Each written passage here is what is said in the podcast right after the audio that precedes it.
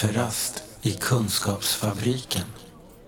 Och idag är det ju klang och jubelföreställning i Kafferast i Kunskapsfabriken eftersom vi firar vårt hundrade avsnitt. Och vad kunde väl inte passa bättre än att då bjuda in riktiga poddproffs. ehm, och då har vi Ida Höckerstrand och Sofie Hallberg här från Ångestpodden. Yes. Hej. Välkomna. Och grattis. Ja, tack, Grattis, tack. herregud. Eh, och jag törs knappt tänka på hur många avsnitt ni har gjort i er podd, men det är nästan 300. Ja, Ja. 280. Ja. Mm. Och sen har vi Christian Dahlström här från Sinnessjukt. Jajamän. Hej. Välkommen. Mm, tack. Eh, och vi ska ju då, dagen till ära, prata om hur det är att podda om psykisk ohälsa i en podd som handlar om psykisk ohälsa på olika sätt. Så vi, på något sätt kommer vi slå knut på oss, men vi får se om vi kan veckla ut oss innan det här är över.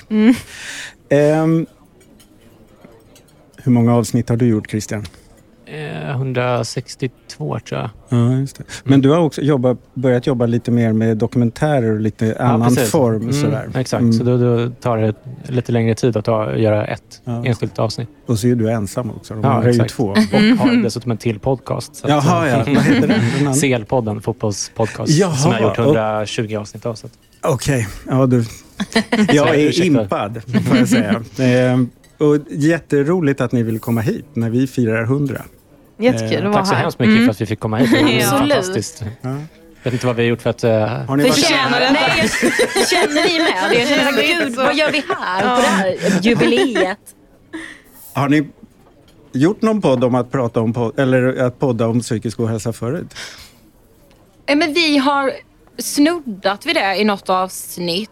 Eh, ofta har vi gjort det när vi har fått frågor från våra lyssnare. Då kan de fråga oss så här, men hur är det att göra det och hur är det att alltid jobba med ångest? Är det tråkigt?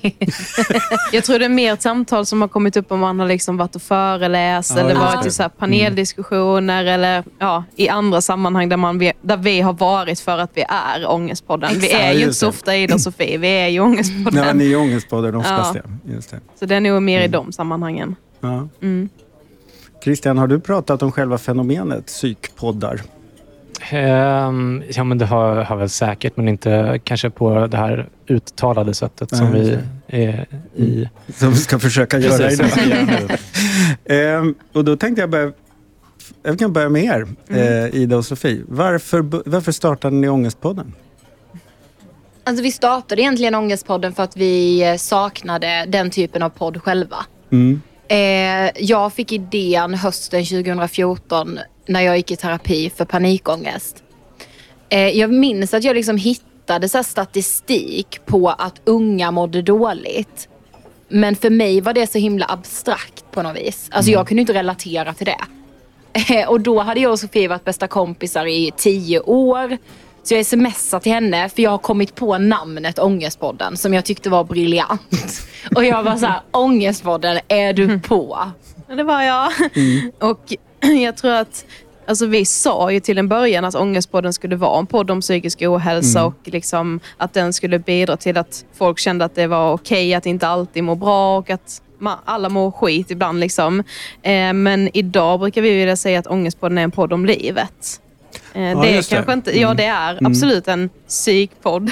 Men eh, vi tror på något sätt att alla berörs av ämnet på ett eller annat sätt någon gång under sin livstid. Just det, ni har Eh. också en sån profil som handlar lite om välmående och ovälmående. Ja, och vi vill det. på något sätt, vi har nu har vi ändå gjort liksom 280 avsnitt och nu brukar vi liksom, vår lilla hisspitch är väl nu att man ändå ska, alltså den berg och dalbanan som livet är för samtliga människor, den berg och dalbanan ska på något sätt spegla sig i vårt, eh, alltså i vårt avsnittsflöde. Alltså ena veckan kan vi absolut prata om djupa depressioner och suicid för att nästa vecka prata om eh, bekräftelsebehov, sociala medier, sånt, eh, den lite mer så generella vardagsångesten. Ja, för att många gånger ligger ju det här liksom närmare varandra än vad många kanske tror. Mm. Eh, så ja. Hade du också själv egen erfarenhet på samma sätt som Ida? Nej, det hade jag inte. Alltså, min erfarenhet av psykisk ohälsa är ju dels att vara bästa kompis Mm. till Ida från första panikångestattacken genom liksom depressioner och så. Men vår gemensamma första kontakt med psykisk ohälsa var när vi gick i eh, högstadiet. För då fick vår gemensamma bästa kompis bulimi. Aha. Så det var väl egentligen vår första kontakt med psykisk ohälsa. Eh, sen såklart så har jag liksom dagar eller perioder när jag mår bättre och sämre. Mm. Men jag skulle absolut inte säga att jag liksom har lidit av psykisk ohälsa.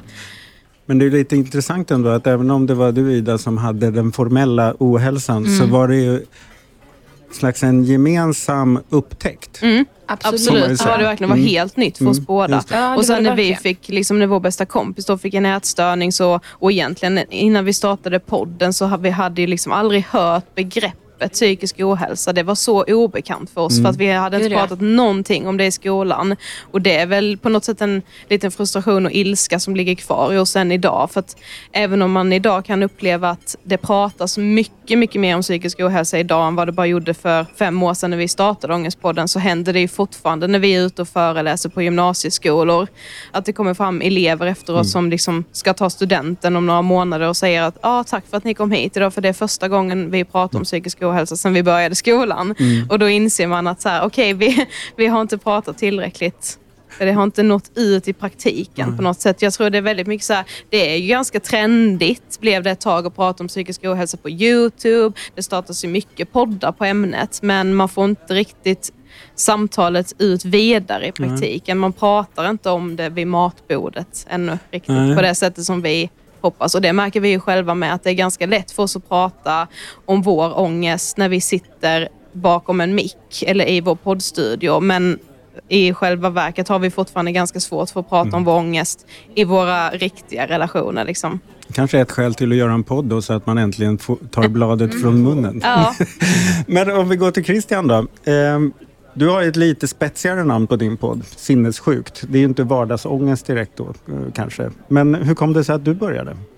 Och att det blev det eh, namnet? Bättre, um, n- när jag började, för jag hade en podcast innan som hette Psykpodden, så det var väl ja, mer likt Ångestpodden till, till namnet. Um, men sinnessjukt, alltså, jag vet inte var, varför jag valde det. Det var, liksom, det var väl mer um, ja, lite, lite konceptuellt, lite mm, du, dubbeltydigt och så vidare. Så att det, det fanns ingen jätte eh, genomtänkt tanke kring det, utan det var mer att det lät bra på något sätt. Mm. Och sen så, eh, skälet till att jag började eh, podda, det var, alltså jag, precis, precis som jag tror att ni gjorde, upptäckte podda genom Filip och Fredrik Ja. som började 2010 Tio. tror jag det var. Mm. Mm. Så jag blev ju väldigt förtjust i själva formatet Mm. ganska snabbt och började lyssna ganska mycket relativt. Alltså jag tror att jag lyssnade till och med på första avsnittet Ja, som de sände. Och då var det ju fortfarande ganska lite, det växte i och för sig snabbt men, Ja. men det var, de var ju verkligen eh, pionjärer. Ja, Och sen så såklart då när man lyssnar så mycket så, så föds ju idéer om vad man Mm. själv skulle kunna Mm. prata om. Och eh, då startade jag Psykpodden, eh, jag tror att det var december 2013 tillsammans med en tjej som heter Rebecca. Och sen så så eh, ja, men sket det sig lite grann i den relationen till henne och eh, vi ja, gick olika vägar och jag eh, ville fortsätta. Så då Mm. startade jag Sinnessjukt i februari 2015 blir det va? Då hade ni precis... Mm. Alltså, ni börjat. är jämngamla då? Ja, Mm. poddarna är Exakt. jämna. Ja. Men jag, men jag hävdar med bestämdhet att Psykpodden var den första podden i Sverige om psykisk Okej. ohälsa. Det är nämligen, ni har inte claimat efteråt men det finns ju andra poddar. som- De har claimat dem, jag vet, men psykpodden att, eh, var först. Ja. 100 procent. Så vi, eh, vi understryker det här i Kafferast i Kunskapsfabriken att Men någonting ska man ha gjort- rätt i livet. Ja, jag tycker det är viktigt faktiskt. Christian att du... ja, rätt ska vara rätt. Bra. Men eh, hade du också någon egen erfarenhet som var med och liksom Mm. gjorde dig intresserad? Så att säga? Absolut. Mm. Jag drabbades ju av eh, paniksyndrom 2007 och eh, ett par månader senare, det var på sommaren, så ett par månader senare så fick jag depression också. Så Mm. att jag, eh, ehm, ja, jag hade ganska lång erfarenhet, Mm.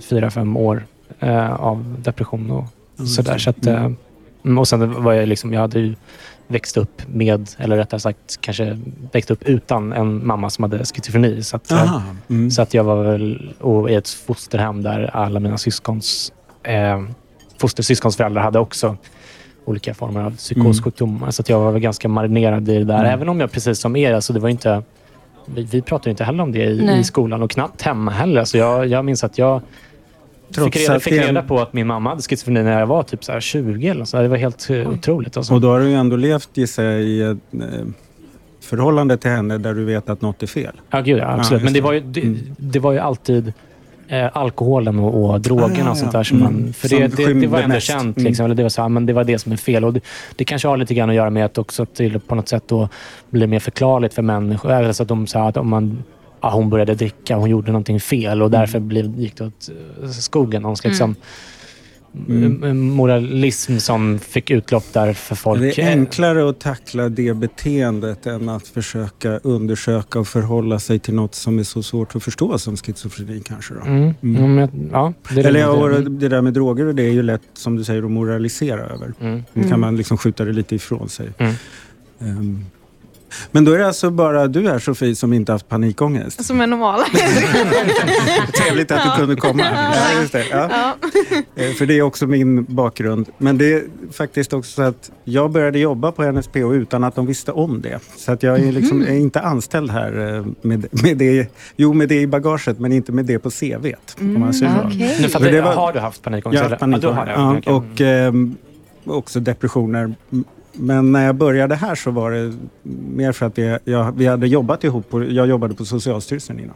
Ah. Men när de hörde av sig och frågade om jag ville leda ett projekt här så tyckte jag att det passade väldigt bra. För dels hade jag då själv varit sjukskriven ett tag och, och ehm, jag ville också gärna lämna Socialstyrelsen. Då.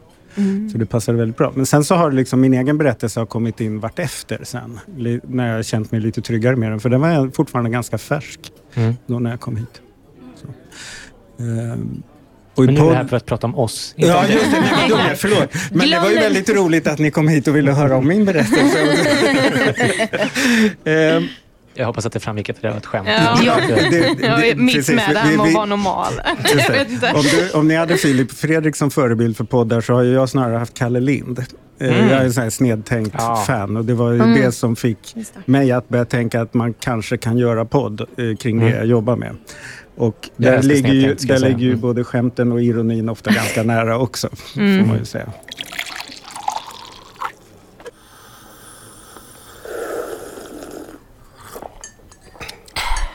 Nu vet vi att du var först Christian. Men efter dig har det ju kommit många. Mm. Bland annat eh, våran podd och många fler. Varför har det blivit så mycket psykpoddar då? Har ni någon tanke kring det? Varför det från 2015 och framåt blev ett fenomen i svensk media att man gör poddar om psykisk hälsa och ohälsa och sånt? Alltså det måste väl på något sätt handla om att alltså, när någon väl lyfte på locket så kände väl folk att det här är en fråga som man vill prata mer om. Alltså man kände kanske att behovet fanns där. Vi, när vi startade eh, Ångestpodden så hade vi ju ingen koll tyvärr på att psykpodden hade funnits. Eh, och vi kände väl liksom att så här, ja, men om vi kan hjälpa liksom tio pass så är det värt det. Liksom. Eh, och mest, vi startade väl Ångestpodden mest för vår egen del för att vi tyckte det var också ett, här, en spännande grej med podd och vi var ju också intresserade av ämnet.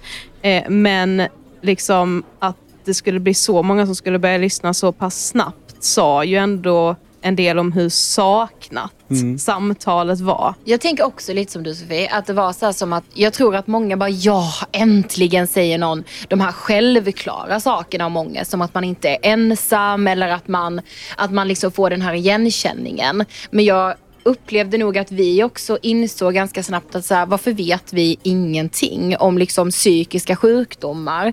Varför liksom då när vi startade 2015 hade jag ingen aning om vad GAD, generaliserat ångestsyndrom var. Idag har jag själv det, liksom fått den diagnosen. Och det är så här, va- varför har jag vetat så lite? Det kändes som att det blev en frustration, i alla fall för oss, att också så här, det finns liksom ett kunskapsglapp. Jag tror, jag, tror jag, jag håller verkligen med och jag tror att det var tur att ni inte hade hört talas om Psykpodden så att ni inte blev... så att ni, eh, för att ni har ju nått ut till så otroligt mycket fler människor och, och kanske till en delvis annan målgrupp, Mm. lite yngre målgrupp som jag har svårt att nå ut till med mina liksom, träiga eh, Analyser. Ja, precis. Djuplodande Eh, gräv. Men, jag, men jag, tror att, eh, det, jag tror att det finns flera saker som... Alltså dels att liksom själva poddfenomenet har ju exploderat också. Tekniken har blivit Ja. mycket billigare, mycket mer eh, alltså, Det är också så att det, det, det finns ju poddar om allting idag. Mm. Exakt. Men, men jag håller med om att alltså, det är, och det kan, det kan i och för sig bero på att det, det är liksom i vårt område, men att, att det, är så här, det är otroligt vad många poddar... Alltså det är, alltså, är det ens under hundra poddar som i någon utsträckning Eh, liksom till minst 50 procent pratar om psykisk Mm. ohälsa. Jag är inte säker på att det är under, under 100, så det är otroligt, Nej, det. otroligt Otroligt många. Mm. Och, och det håller, eller hänger säkert ihop med en generell trend i samhället att börja prata om det här. Att eh, alltså, kända människor, för det var ju någonting som jag intresserade mig ganska mycket för i början. Som jag skrev om på min första sajt. Så här, så kända svenska personer som Mm. hade berättat om det här. För det, det, ehm, det kom från liksom, USA och, och till viss del liksom Storbritannien, eh, Australien. Eh, även med politiker sånt där som var liksom ett par år innan de svenska.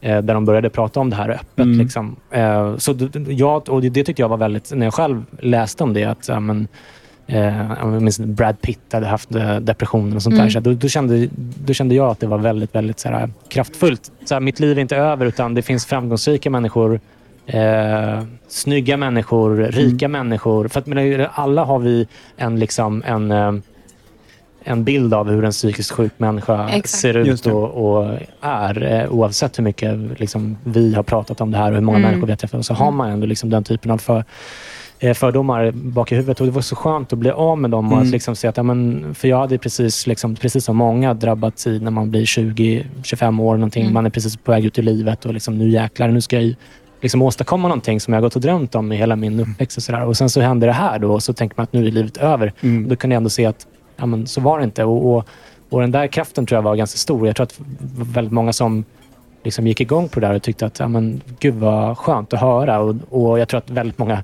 kändisar också plockade upp det där det, Mm. och sa ja, men här finns det pengar. Och jag tror att det till och med Filip Fredriksson skojar om att Petter inför varje skivlansering grävde fram en ny diagnos som han, hade, som han kunde det. marknadsföra. Det är li- li- Lite överdrivet Det är såklart. kanske Men, därför det är ja. en sån överdiagnostisering. För att kändisar ska kunna släppa nya Något plattor. får man Ja, precis. Nej, men jag tänker på en sak som, som är intressant här, slår det mig. Det är alltså det här du säger, bilden man har av den som är psykiskt sjuk. Ja. Ehm, och så var det ju också när jag blev dålig och då hade jag ändå jobbat med psykiatrifrågor på Socialstyrelsen en del och liksom hade ju definitivt inte den uppfattningen. Men det var ändå det som kom för mig när jag själv blev dålig. Vet. Eh, och då var det ju två bilder. Det ena var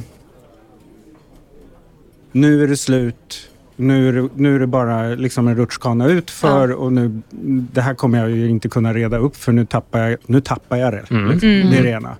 Eh, och det andra är, var bilden men om jag råkar ut för det här då, då, är, det ju, då är det ju ganska vanligt.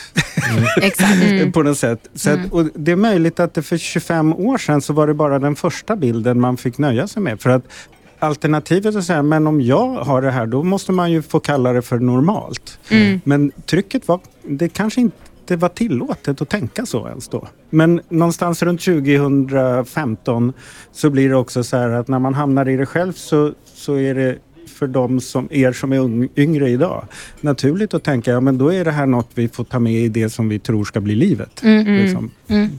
Det är en rätt spännande kulturförändring kanske. Exakt. Som Mm. det här poddandet kanske ändå råkade komma mitt när det var möjligt. Ja, På något precis. sätt. Mm. Sen kan man raljera lite, ja, och sen Mm. kan man ju raljera över att kändisar verkar använda det i sin marknadsföring. Men det är också för att media tycker att det är tacksamt. Men, Mm. men deras ambition att vara uppriktiga och så är väl, behöver ju inte vara ett eh, vad ska man säga, koketterande för Nej. det. Absolut.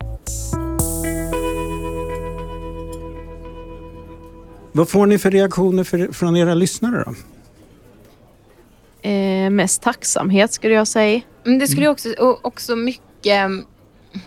Alltså jag vet inte. Det är så många som jag upplever är väldigt lättade. Eh, och väldigt, ja men alltså väldigt tacksamma, väldigt lättade. Eh, men jag har också senaste tiden insett vilket ofantligt behov det finns hos många människor att faktiskt få dela eh, sina, liksom, sitt pissmående med andra. Eh, för det, ibland känns det eh, Alltså det känns ovärdigt att inte bara dela alla de här historierna vi får vidare. Att de bara ska hamna i vår mejlingkorg eller i vår DM. Samtidigt som det är ju en ära varje gång. Men det är så, så, så många. Eh, och att de liksom aldrig slutar komma. Och oavsett vilket ämne vi tar upp, om vi pratar om om vi är med liksom Anneli ena veckan som pratar om eh, sin upplevda psykos eller om vi pratar om så här, okej, varför redigerar vi våra bilder på Instagram? Så fortsätter mejlen komma i samma utsträckning från personer som är både tacksamma men också så här, jag vill dela min erfarenhet av det här. Jag tycker man liksom delvis i alla fall kan se det som alltså, en brist på andra tillfällen för de här, i ert fall kanske främst unga människorna, att dela de här sakerna med ja, andra. Alltså, jag menar, både ni och jag brinner ju väldigt mycket för liksom, att tillgängliggöra psykoterapi i större utsträckning. Men inte bara det, utan liksom, om man ska vara storvulen och tala om samhällets utveckling och liksom sekularisering och sånt där. Som, alltså, jag är, det finns inte ett spår av kristendom eh, i mig, men jag kan ändå se liksom, poängen med att, man, liksom, att människor samlas i, kr- kring liksom, någonting i ett sammanhang och att man kan prata med prästen om man har Ja, problem precis. på hemma. Alltså, det är så här, gud vad eftersatt det här området är på många sätt och att eh, Mm. de människorna som hör av sig till mig, men framförallt till er eftersom ni dels är yngre lyssnare och framförallt mycket fler lyssnare så är det fler som hör av sig. Och att man liksom, eh, jag gissar att ni också funderar på det. Alltså, men, men kära lilla människa, varför, varför ska du höra av dig till, till Mm. oss? Liksom? Ja. Är, det verkligen, är det verkligen sunt? Liksom? Kan det verkligen vara Precis. jag som är liksom, den närmaste Ja. Mm. Hur Den första du vuxna tänker på. liksom- Liksom. Precis, hur kan vi vara top of mind? Mm. Fast jag måste också säga att vi, alltså, vi har väldigt mycket kontakt med personer som inte är så unga. Alltså, allt Som är som oss, typ. som är som oss, som är liksom 30 till 40. Eh, och då blir man nästan ännu mer chockad på ett vis. För alltså jag menar inte att jag blir förfärad när en 15-åring skriver och säger ja men jag kände igen mig i det här. Och man tänker så här, men du är 15, jag vill inte att du ska känna igen dig i det här. Eh, och så har de skrivit till oss, men när det är någon som är 35, då kan jag också bli så här, är vi ändå top of mind? Ja, och har, Har levt alltså, i redan någon 35 som pratar år. Men, Mm. liksom, men du har aldrig delat det här. Liksom. Eh, ja. Ja, nej, det är sp- spännande. Mm. Men det, ja, det... Ni beskriver, så är det väl i alla paradigmskiften sådär att någonting blir möjligt att förändra samtidigt som det mesta ändå är nog sig ganska likt. eh, nämligen att det är svårt att prata med varandra och som du är inne på Christian, det här alltså, samtalet mellan människor om det som är meningsfullt och om det som berör och att man törs vara uppriktig mot men andra kring det man inte tycker att man klarar av och massa eh, tillkortakommanden och sånt där. Det är fortfarande svårt, Mm. uppenbarligen. Trots att det finns massa kunskap om behandlingar och diagnoser och så, så är det Mm. f- några sådana här basic-grejer som vi brott, behöver brottas med och då blir väl era poddar liksom en, en eh, plats i etern där man kan liksom lägga det där och få Absolut. Sen så finns det ju såklart en massa andra så, sådär, chattrum och sånt där. på Ja, nätet som det jag finns ju rätt liksom mycket. Ja, just det. Mm. sökt mig till när jag har mått som sämst. Mm. och Ja, som är- vi ju med skickar vidare till. Alltså vi tipsar Ja. om eh, dagligen. Liksom. Mm. Så det, det händer ju saker. Alltså det, blir, men det, det, känns som att det funnits ett enormt eh, eh, liksom underskott av eh, utlopp för Mm. att prata om de här sakerna tidigare. Eh, För jag tycker inte att det stora problemet är att psykisk ohälsa ökar så himla mycket, eller så där som man pratar om. För det är jag inte ens säker på att det, det gör. Alltså det är väldigt svårt att mäta och, Mm. och till exempel självmordstalen har gått ner med ungefär 40 procent sedan 1980. Alltså, bilden är inte becksvart det, det jag tycker är alltså, mest häpnadsväckande är ju hur vanligt det är alldeles oavsett om det ökar eller inte. Nej, just Alltså. Ja, precis. precis. Alltså, Det håller jag men, men i den Mm. sådär, kanske delvis i den så här, mediala dramaturgin och sånt där så är saker och ting inte betydelsefulla om de inte ökar. Nej, precis. Mm. Utan, men, men jag menar, om, om vad det nu är, 15-20 procent som drabbas av depression någon gång över, över sin livstid eller vad det nu kan vara. Nu har jag inte de siffrorna färskt i skallen, men det är enormt mycket människor. Exakt. Mm. Och tänker man att det är så många människor, alla de människorna har liksom ett, liksom kanske mi- minst fem pers i sin, ja, beroende såklart, vi säger väldigt ensamma och så här, men, men i genomsnitt i sin omgivning som är direkt beroende eller som är väldigt, väldigt nära anhöriga till den personen. Och, Mm. och liksom, man behöver inte vara en statistisk, statistiker för att förstå då att i princip alla drabbas Exakt. väldigt hårt av det här, direkt eller indirekt sett över en livstid.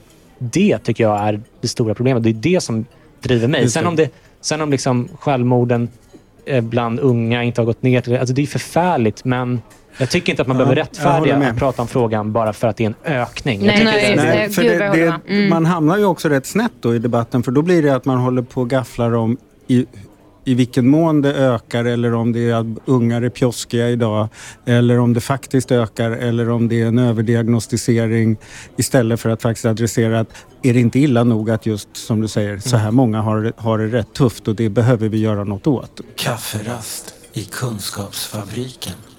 Och dessutom så tycker jag att om man pratar, om man säger att ja, men självmorden ökar bland unga så där, som, som liksom kablas ut ibland i media. Det, jag kanske till och med själv har sagt det någon gång. Jag tror det inte det. Ja, vi är med. Det är Alltså. det. Mm. Och, så, och så, är- så, så är det faktiskt så är det inte riktigt. Visst, alltså det är liksom, eh, statistiskt så är det liksom... Eh, Den Eh. gruppen som det inte minskar i. det, Ja. det minskar Mm. åtminstone inte över tid kan man säga. Men om man säger det då, det i sig tror jag kan göra folk oroliga i onödan. Mm. Och alltså till exempel och också det här med, vi pratade innan här om, om att jag gjort en intervju med Anders Hansen om det här med skärm, skärmtid och skärmalarmism och sånt där som jag också tror att jag liksom lite grann, har- det känns intuitivt rätt att ja, men vi håller på med för mycket med våra telefoner, det är därför vi måste dåliga. Ja. Så här, det vet jag att ni har pratat om Ja, också. och jättemycket. liksom, Mm.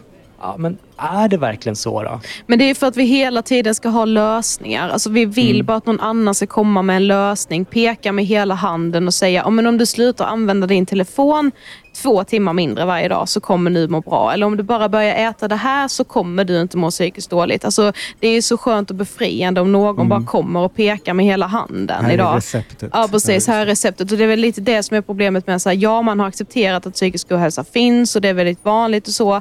Men man vill, vi är fortfarande livrädda för att bli drabbade själva. Så vi gör ju allt för att inte vara den som mår psykiskt dåligt. Och börjar man känna mycket ångest, då drar man i varenda halmstrå som finns. Och ofta det är då som blir serverat till en, vilket är då, då så här, ja, men det som står i tidningarna. Liksom till, ja, men, och vilket ofta är då väldigt enkla lösningar för att det är, liksom, ja, men det, är det folk vill läsa. Så det är det tidningarna skriver om. Eller det är de böckerna som säljs. Och jag, och jag tror att det kan vara skönt för människor också att så här, skjuta det där ifrån sig lite Mm. grann och säga att ja, men, ja, men han och hans eller hennes barn, ja, men hon sitter framför, mycket, för, framför iPaden hela tiden eller Ja. Instagram och sånt där. Så här, det gör inte jag. Titta på mig och jag mår bra. Mm. Och titta Och hur liksom, bra att istället för att liksom se att ja, men, det, här är, det här är ett mänskligt liksom, eh, tillkortakommande. Eller det, Mm. det, Mm. det, det, det är någonting vi alla, allihopa delar. Det, det är en del av att vara människa, om jag ska vara storvulen en gång till här nu. då. Ja. Mm. Och, att, nej, men då, är det, då är det du eller de som gör fel eller sådär. Och, och, Ja, men jag tror och, att- och, och, samma sak, om jag får återkomma till Anders Hansen där också. Han har skrivit en bok som heter eh, Hjärnstark som handlar om det här med motion och sånt som jag tycker är fantastisk. Och jag tycker jättebra att man lyfter fram det här med, med att, man måste, alltså, att det är bra att motionera och sånt där. Det är absolut. Sen så har jag liksom, vet jag att folk har hört av sig till mig och, och, det är absolut inte Anders fel, för att vara tydligare, att folk har så tolkat det där som att Ja, men, och så någon som är så här, bipolär sjukdom som hör av sig till mig, med, som är en sjukdom med liksom, mångdubbel självmordsrisk, mellan, jag tror mellan 8 och 20 procent, något sånt där, som tar livet av sig förr eller senare. Fa- förfärlig sjukdom. Och så, så har folk få, då liksom fått en bild av att ja, men, du är inte ute och, och liksom motionerar tillräckligt ofta, som att det skulle vara hela lösningen. Hur vet vi vad som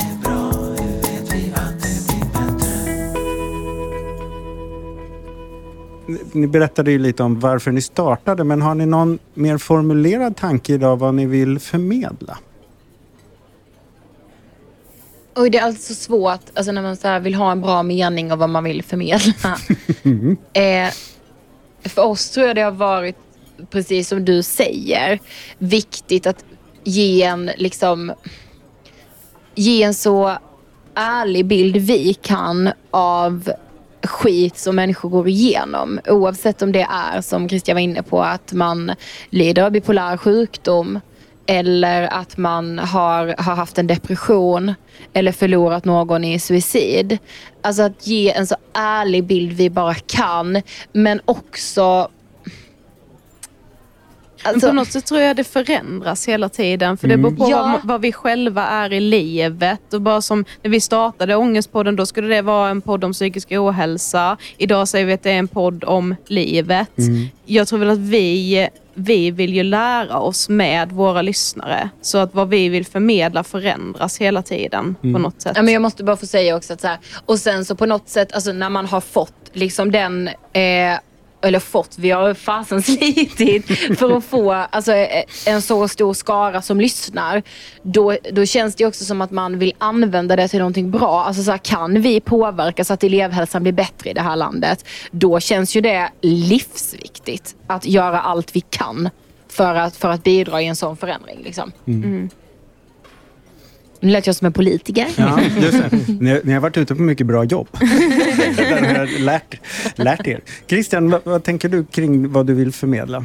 Mm, ja, men jag, jag, jag håller med föregående talare, höll jag på att säga. Alltså, dels det här med att, att, påverka kanske politiskt Mm. eller liksom opinionsbilda i någon mening. Men, och, och det här med att man utvecklas eh, över tid. Jag har hållit på med det här ganska länge.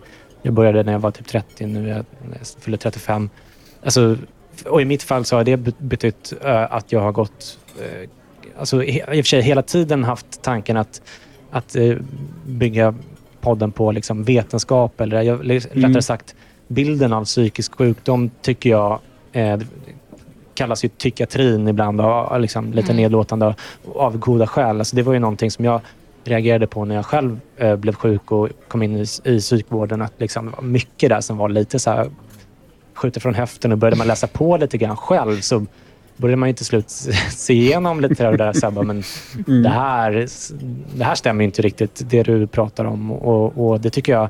Eh, alltså, det drivs jag jättemycket av nu. Så jag har mer och mer gått från att, eh, äh, men gått mot eh, att bli en, någon slags vetenskapspodcast. Men, men själva grundtanken finns kvar där.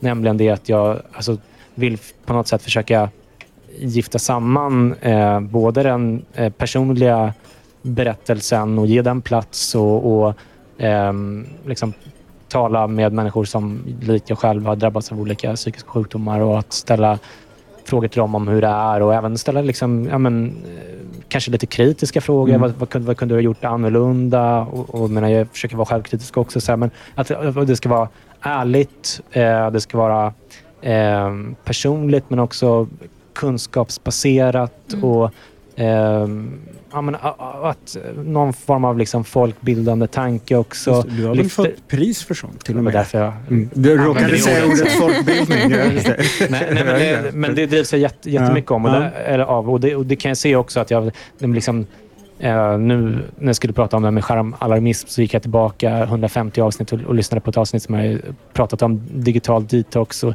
var lite så här skäms... Eh, Ja, det, det, det, lyssnar vi på våra gamla avsnitt. Det finns mycket. Men vi var 22 år när vi sa Det det. är många grodor ni, som har ni är mer flugit. ursäktade än jag. Din, vi är mer ursäktade. Alltså. Men det är liksom att växa med sin podd, det är som att få med sig sin ungdom. Men Nu, nu, Ja. Särskilt om när ni har hållit på ett tag också, Ja. så är det ju, ni är ju inte de samma idag. Nej. Men det tänker jag också, det är ju ganska fascinerande för att er ambition när ni började var ju också en nyfikenhet på området Mm. och en, ett, kan man säga, ett engagemang för att det borde göras någonting. Men då kan man ju inte ha alla svaren utan att det är ju att ge sig ut på en resa och se vad man får lära sig. Mm. det, men det var ju också så att det var ju, liksom, i princip ingen... Alltså det, det låter ju konstigt att säga det, men det var ju nästan ingen som pratade om det här överhuvudtaget för fem, sex, Nej, sju, åtta år sedan. Nej. Det, det låter otänkbart Mm. idag, men, men det känner du till att det var Mm. Enorm skillnad. Mm. Så nästan vad man än sa var ju liksom... Så Mm. även om, om, om man ibland var lite snett på det så var man ofta, gjorde man nog oftast En, någon slags positiv eh, totalt. Förändring. ja, det är så sant.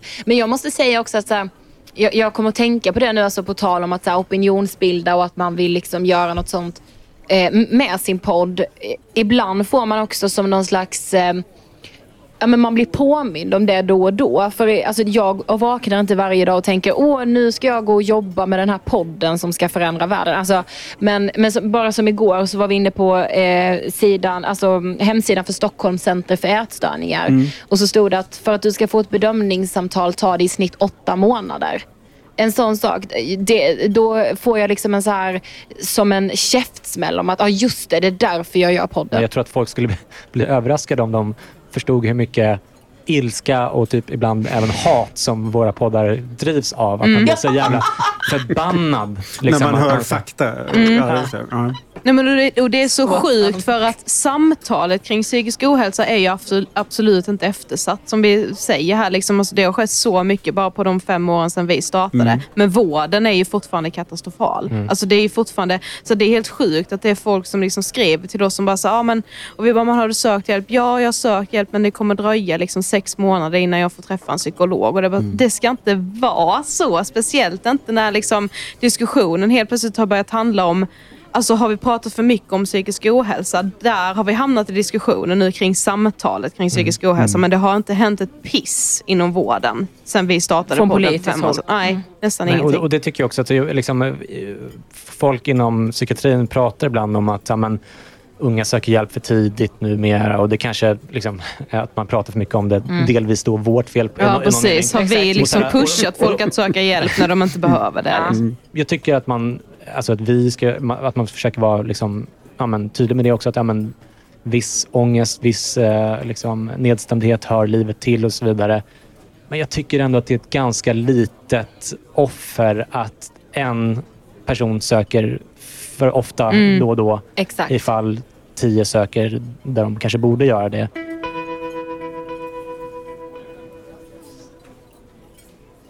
Ni lever ju på att göra podd. Det är ju ert jobb Ja. eh, och eran, eh, ert liv. Liksom. Och levebröd. Och det gör ju att ni behöver ju dra in stålar.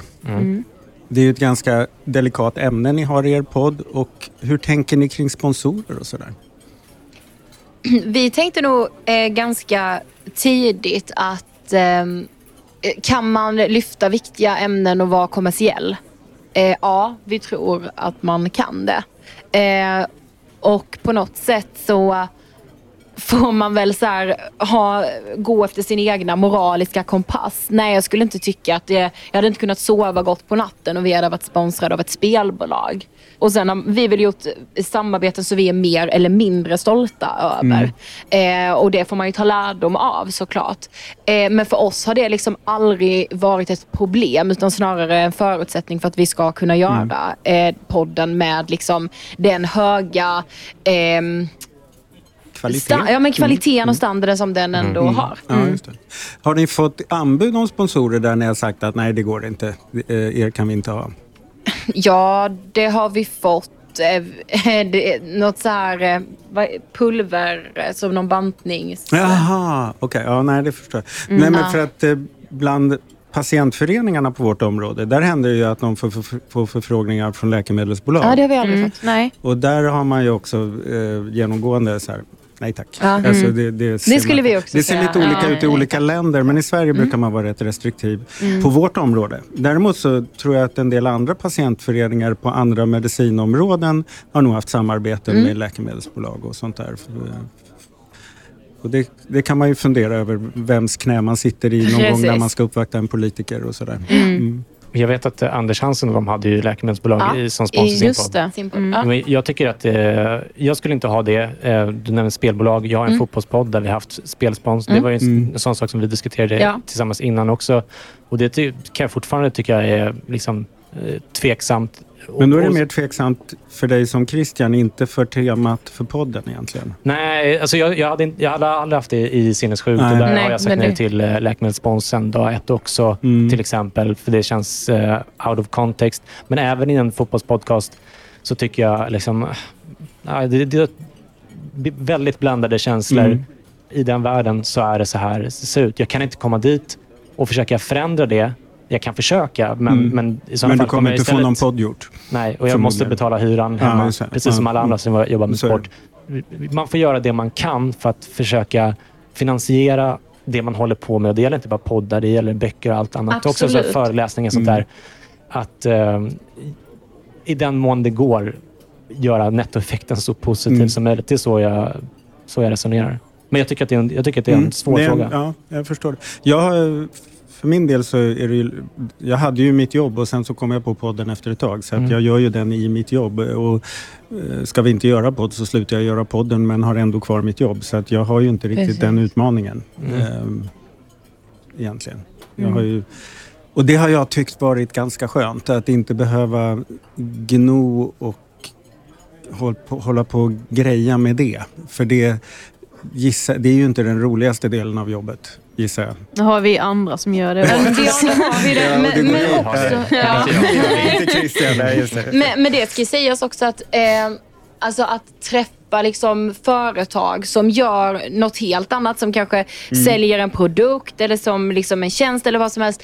Eh, att märka att de faktiskt också vill liksom från en, håll, från en hållbarhetssynpunkt tycker att de här frågorna är viktigt. Det har för oss varit otroligt Just det. inspirerande. Ja, men och, Eh. och det är ju så häftigt också att det blir som ett kvitto varje gång att om vi sitter på ett möte med typ fem pass så har ju minst en av dem också mått skit. Eller så har de en partner som just nu Mm. Eller mår skit. Så barn alla eller- har ju någon kontakt med Mm. de ämnena som vi sitter och pratar om när vi liksom försöker sälja in oss själva.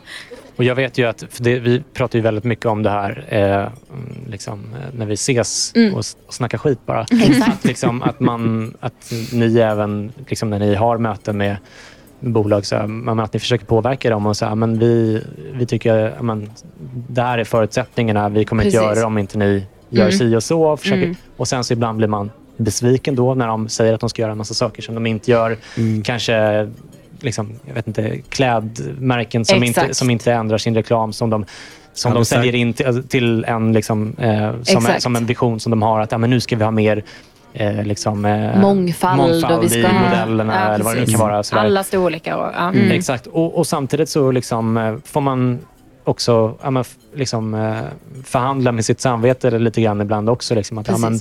Eh, ja, men, nu kanske jag måste göra det här därför att jag har hyran att betala, jag har inga andra inkomster och så vidare.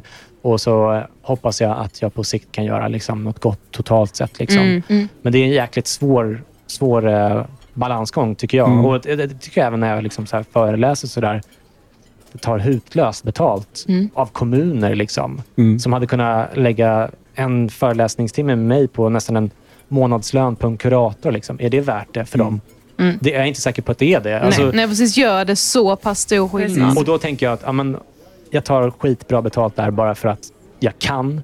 Och sen så plöjer jag ner de pengarna I i en film. dokumentär som Ja. jag vet att jag Ja, kommer men gå precis. mycket Mm. back på. Mm. Precis. Så länge man tänker på det sättet så, så, så, jag, så sover jag gott om, om Ja, men natten. verkligen. Jag Ja. ifrågasätter alltid det. Det är alltid med mig. Liksom. Men, ja, jag kanske bara borde gå tillbaka till att jobba på Statoil som jag gjorde tidigare. Då kanske jag gör mindre, mindre skada. Jo, men, ja, men som du sa, är det så här, vårt ena mål är liksom att opinionsbilda och att Mm. opinionsbilda tjänar man inte mycket pengar på. Men om vi då har gjort två föreläsningar där vi har tjänat så pass mycket pengar så att vi kan lägga ner mycket tid på att skriva, göra en stor kampanj där vi försöker Mm. påverka partiledarna inför valet till Mm. exempel. Mm. Då, då kan jag ju med känna att det, då har man liksom tagit betalt med gott samvete. Men ni är inne på ett område som eh, där vi då är, är så att säga den ideella sektorn, även om vi förstås lever på pengar eh, någonstans Mm. ifrån. Men eh, vi har ju inte en marknadsidé på det viset eller Nej. en marknadsdriven verksamhet. Eh, och det har ju med representation att göra. Vi, vi menar ju Trots att våra föreningar är ganska små i, i den totala folkrörelsen i, i Sverige och jämfört med många andra medicinområden sådär, så har väl Reumatikerförbundet betydligt fler medlemmar än vad alla NSPOs förbund har tillsammans. Tror jag. Mm. Så är det ändå så att vi tycker att eftersom vi har organiserat oss så tycker vi att kommunerna ska lyssna på oss. till exempel. Och då kan det ju bli rätt förtörnande för, för en eh, bru, brukarföreningarna i någon kommun om man säger så här, jaha men ni kan inte ge oss reseersättning till våra brukarråd som vi åker på. Men Christian Dahlström kan ni ta hit på en föreläsning eh, och betala bra. Mm. Och så, så tycker ni att ni har haft ett brukarinflytande. Och det här säger jag ju samtidigt som jag tycker att det ni gör också är viktigt i det som behöver hända i samhället. Eh, så blir det ju också sådär att eh, vi ser ju att då tappar vi ibland, för då är det lite flashigare för en kommun att ta dit Ångestpodden eller Sinnessjukt eller Pillerpodden och sådär. Medan det finns kanske då ett gäng föreningar som har gnetat på och stått utanför den där ätstörningskliniken i flera år och försökt få dem att lyssna och sådär. Ehm, det, är inte, ja, det är lite knepigt och jag, som sagt, jag blir ju mest sur på den kommunen som tänker att de då har vi gjort det vi ska göra eftersom vi tog Men, hit ja, men, dem. ja, men bra poäng. För det, Jag tycker jag, och det vet jag att ni också tänker på. Ja. Att, så här, blir man någon slags alibi när Ja, man kommer dit, Ja. Precis. svänger dit en timme från Stockholm och Ja. till den här lilla kommunen och, och föreläser om sin eh, schizofrena mamma som dog och sen är det bra. Just och det, det. även där försöker jag också liksom fråga, men vad är det här? Är det en del av en större satsning? Exakt. Vad, Mm. vad gör ni mer? Liksom? Och visst, eh, oftast har jag nog inte råd att tacka nej om de säger att nej, men det är bara det här. Ja. Det är det enda vi gör på hela år. Ja. Nej, men ja, jag tycker också att det är en jättebra och viktig poäng. Eh, för som du är inne på Christian, ibland känner man det att så här, oj, och så ni ska få öppna den här psykiatriveckan. Men vad gör ni resterande veckor då? Det, Att så här, ja. det var med pompa och ståt liksom. Men, men vad gör ni sen? Eh, och det, det märkte ju vi en gång när vi var eh, och föreläste så var det väldigt bra. Ehm, Eh, det var just en sån här psykiatrivecka då. Vi fick kicka igång den och det var härligt och så. Eh, och så hade de lokalpolitiker på plats som skulle vara med. Och då märkte man ju verkligen att det var ju många där i publiken som så här, de, de, de tyckte säkert att vår föreläsning var jättebra, det sa de i alla fall. Men de var också jäkligt arga på politikerna för att säga, jaha är ni här nu när de står på Ja, just scenen? det. Det är då bra. kan ni komma Det hit. ska också sägas att vi blev utskällda av en av politikerna. Ja det blev vi ju sen. För att ja. hon tyckte att vi gick på dem för hårt. Ja, vi, om vi gick på politikerna för hårt Ja, vi satte lite mycket krav. Ja, att politiker är på plats på föreläsningar och det är de ju hyfsat ofta. Det tycker jag är, Exakt. Det är ändå hoppingivande. Tycker Ja, jag. men ja, precis. Men jag tyckte också att det, jag ofta tänker Men jag jag så... förstår vad, deras invändning där Ja, också. men det var Mm. första gången Mm. också som Ja. vi märkte att så här, gud, helt plötsligt var så här publiken bara, men de har ju aldrig brytt sig om det här innan. Men nu kommer ångestpodden hit och då ska de vara så här. Och det var lite så här, liksom, det blev en så här, oj, just det, så kan man ju också se det här. Så såg liksom de här invånarna i den här lilla kommunen. Och på något sätt känns det ju fel, men när man, alltså, ja, nu snackar vi om psykiatriveckor, men när man är på en skola kan det ju bara handla om en simpel temadag på ämnet. Och då kan vi stå där och säga att det är viktigt att söka hjälp och liksom prata med din kurator om du känner att du mår dåligt. Och så vet man någonstans att förmodligen så har inte kuratorn tid att ta emot. Nej, alltså, exakt. Och då Nej. blir det med så här, ja men shit, vart ska alla vända sig då? Sen, å andra sidan kan jag också tänka att så här, om de inte tar in mig, då tar de in Thomas Eriksson eller någon annan jä- jävla dåre som gör som men är det- men det är total waste of money. Liksom, Ja. så att Är det han med de olika färgerna, Färgerna, på, ja. färgskalan på Exakt. människotyper? Ja. just det. Har du ingen färg så är du psykopat. Just det. Jaha, ja, men då är vi väl det allihopa. Ja. Ja. Utom du då som inte haft panik. Ja, precis. Jag är Du den enda normala Åh, nu Ja. börjar snart parkeringstiden gå ut. Ja. Gå ut, ja. Hörrni, jag tror att vi har eh, ringat in det. Eh, Vad härligt. Ja. Vad, jag måste säga, vad otroligt skönt det var att göra podd med tre som är jävligt vana på att göra podd. så man behöver, det är ju bara att trycka på play här så, så kör det. Ja. Hörrni, eh, stort tack för att ni ville vara med. Tack för att vi Tack fick Tack komma. mycket. snälla.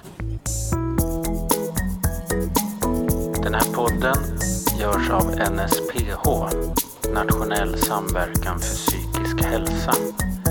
Läs mer på vår hemsida www.nsph.se eller följ oss på Facebook. Kafferast i Kunskapsfabriken.